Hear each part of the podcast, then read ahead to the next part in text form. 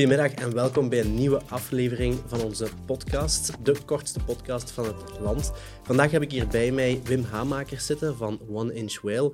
Goedemiddag, Wim.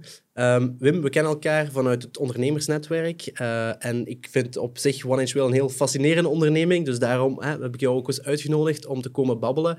Um, vertel eens, One Inch Whale, wat doen jullie juist? Ten eerste, dankjewel om mij hier uit te nodigen. Ook fijn om u in deze context uh, te zien. En ook fijn dat je ons bedrijf fascinerend vindt.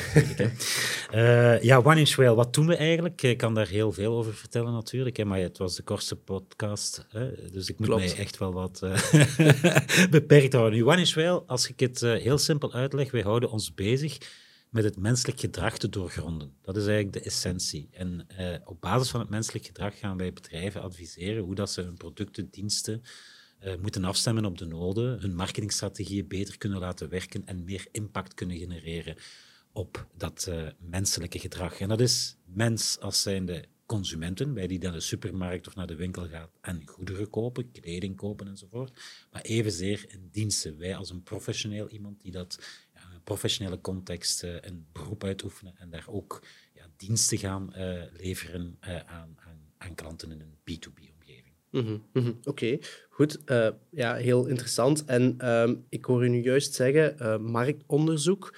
Um, dat marktonderzoek, tot wat leidt dat dan? Ja, uh, eigenlijk onze rol is om bedrijven te adviseren hoe dat ze meer impact kunnen genereren op hun klanten en of meer relevant kunnen zijn voor hun klanten. Dat is eigenlijk de essentie een beetje. Dus wij, wij geven echt hele concrete adviezen naar bijvoorbeeld product- en dienstinnovatie. Van welke producten, en diensten zijn succesvol, moet je gaan ontwerpen, ontwikkelen. Of evenzeer, welke diensten moet je gaan upgraden, gaan redesignen, omdat ze eigenlijk niet meer relevant zijn op dit moment. Dat is één heel groot stukje. Een tweede stukje gaat heel erg over marketing, communicatie en activatie. Hoe kan je je marketing, communicatie beter gaan doen, meer impact gaan genereren, ook weer relevanter zijn voor die consumenten, maar ook impactvoller gaan maken in zijn visuele identiteit. En een laatste ding is ook het hele customer journey gebeuren. hoe kan je eigenlijk consumenten eh, mhm. of mensen eigenlijk uh, doorheen heel de customer journey uh, en de verschillende touchpoints ja, hoe kan je daar meer impact? Het gaat altijd over impact. Wij, Onze aanbevelingen gaan zorgen dat bedrijven impact kunnen hebben met productinnovaties, met marketing, met go-to-market strategieën. Ja, oké. En um, qua duurtijd van zo'n trajecten, um, is, uh, spreken we dan over weken, maanden of, of hoe lang zijn zo'n trajecten? Heel variërend, hè? Uh, want uh, soms is een workshop, of zoals wij soms doen op, het, op een ondernemersnetwerk, een babbel al voldoende om verder te kunnen. Hè? Mm -hmm. Dus dat is één zaak. Sommige trajecten zijn heel intens en vergen heel veel vinger aan de pols, zoals dat dan heet. Ver, vergen heel veel uh, klantgerichtheid, klantgericht denken om tot een juiste oplossing of een nieuwe innovatie te komen. Mm -hmm. Dus dat kan een paar dagen zijn, mm -hmm. maar dat kan ook een paar maanden zijn. Ja. Dus, uh, een voorbeeld daarvan is uh, uh, Kristal Extra. Dat kennen wij als Limburgers wel, dat drankje. En ik hoor toch daar heel goede feedback over, gelukkig. dat hebben wij begeleid van, van een heel globaal abstract idee tot en met hoe moet dat er nu uitzien in het, in het winkelpunt en welk product moet dat dan zijn. Mhm. Welk concept moet dat dan zijn? Welke visuele identiteit? Welke prijszetting? Hoe moet de horeca-uitbaters dat aan de markt zetten? Enzovoort. Mm Dus gevoeld, daar komt heel veel bij kijken en dat wordt iteratief doorheen de tijd telkens.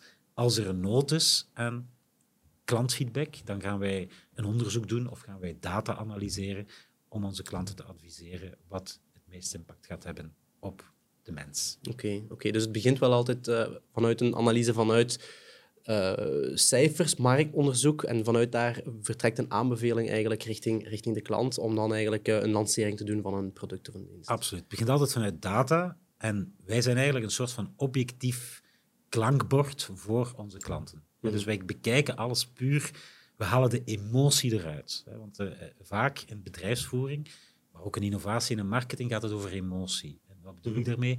Oh, ik vind dat tof. Ik moet eens lachen om dat reclamespotje. Als, als eigen bedrijfsleider. En dat is natuurlijk fout, want het gaat niet over u.